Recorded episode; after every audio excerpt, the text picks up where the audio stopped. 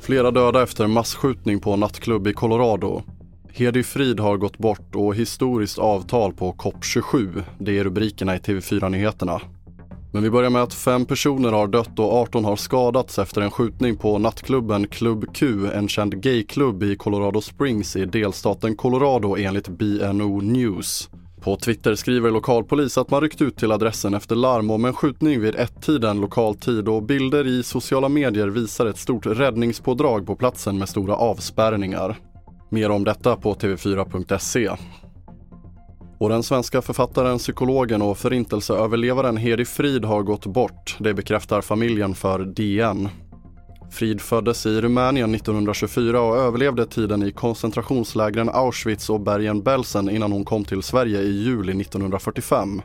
Vid sidan av sitt yrke som psykolog har Frid i över 30 år rest runt till svenska skolor för att tala om sina erfarenheter. Hedi Frid blev 98 år gammal. Och det är fortsatt stora problem i trafiken på grund av snön som fortsätter att falla över stora delar av framförallt södra halvan av Sverige. Vid 10-tiden har SMH en orange varning utfärdad i sydöstra Skåne för snöfall under söndagen och relativt kraftigt snöfall väntas också över huvudstadsområdet. Vi är mitt uppe egentligen i det här snöovädret och det är fortfarande upplagt för överraskningar. De här varningarna kan komma att justeras. Men just nu är den orange då i sydöstra delen av Skåne och gul också upp längs delar av ostkusten och även runt Vänern. Mm. Och det kan komma rejäla snömängder samlat i smält form fram till tisdag. Det sa TV4s meteorolog Ulrika Elfgren. Vidare till klimatmötet COP27 som under dagen har klubbat igenom ett övergripande slutdokument. Länderna har bland annat kommit överens om en fond till sårbara länder som drabbas hårt av klimatförändringarna.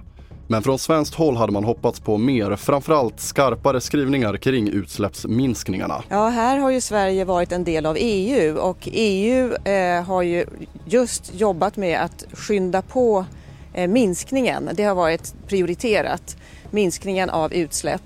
Och eh, det har ju stött på stort motstånd i förhandlingarna eh, hos de andra aktörerna och eh, det är ju förstås en besvikelse. Det sa TV4 Nyheternas vetenskapsreporter Susanna Balczewski och hör mer om detta och annat på tv4.se. Jag heter André Metenen Persson.